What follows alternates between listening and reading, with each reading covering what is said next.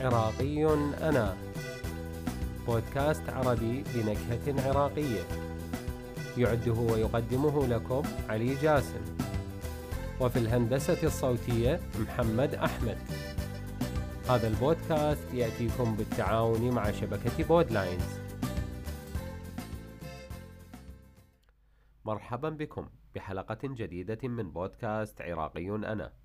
حلقتنا لهذا الأسبوع عن المبدع علي الوردي. عالم الاجتماع العراقي والأستاذ والمؤرخ الذي عرف بتبنيه للنظريات الاجتماعية الحديثة في وقته لتحليل الواقع الاجتماعي العراقي. لقب عائلته الوردي نسبة لجده الأكبر الذي كان يعمل في صناعة تقطير ماء الورد.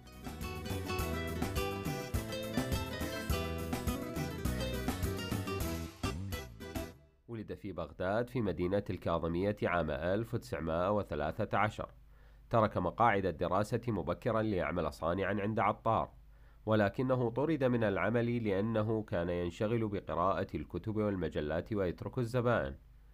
وفي عام 1931 التحق بالدراسة المسائية في الصف السادس الابتدائي وكانت بداية جديدة لحياته.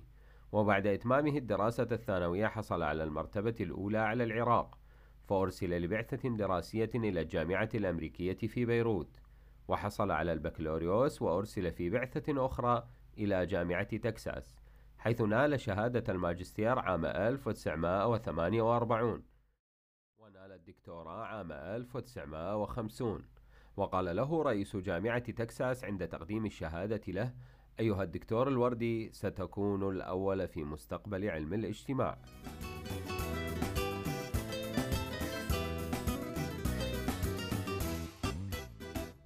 كان الوردي متأثرا بمنهج ابن خلدون في علم الاجتماع.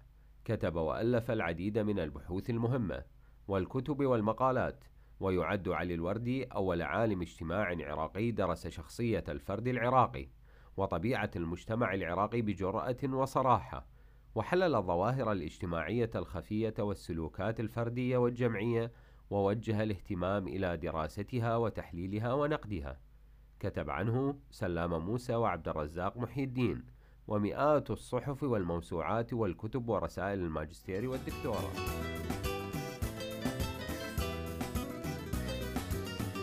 أما عن حياته الوظيفية فقد عين عام 1943 في وزارة المعارف مدرسا في الإعدادية المركزية ببغداد ثم انتقل للعمل كمدرس لعلم الاجتماع في كلية الآداب بجامعة بغداد عام 1950 وأحيل على التقاعد بناء على طلبه ومنحته جامعة بغداد لقب أستاذ متمرس عام 1970 توفي الوردي رحمه الله في الثالث عشر من تموز عام 1995 بعد صراع مع مرض السرطان ولم يتمكن الأطباء من معالجته لافتقار المستشفيات العراقية آنذاك إلى الأدوية والمستلزمات الطبية بسبب الحصار الاقتصادي المفروض على العراق في حينها.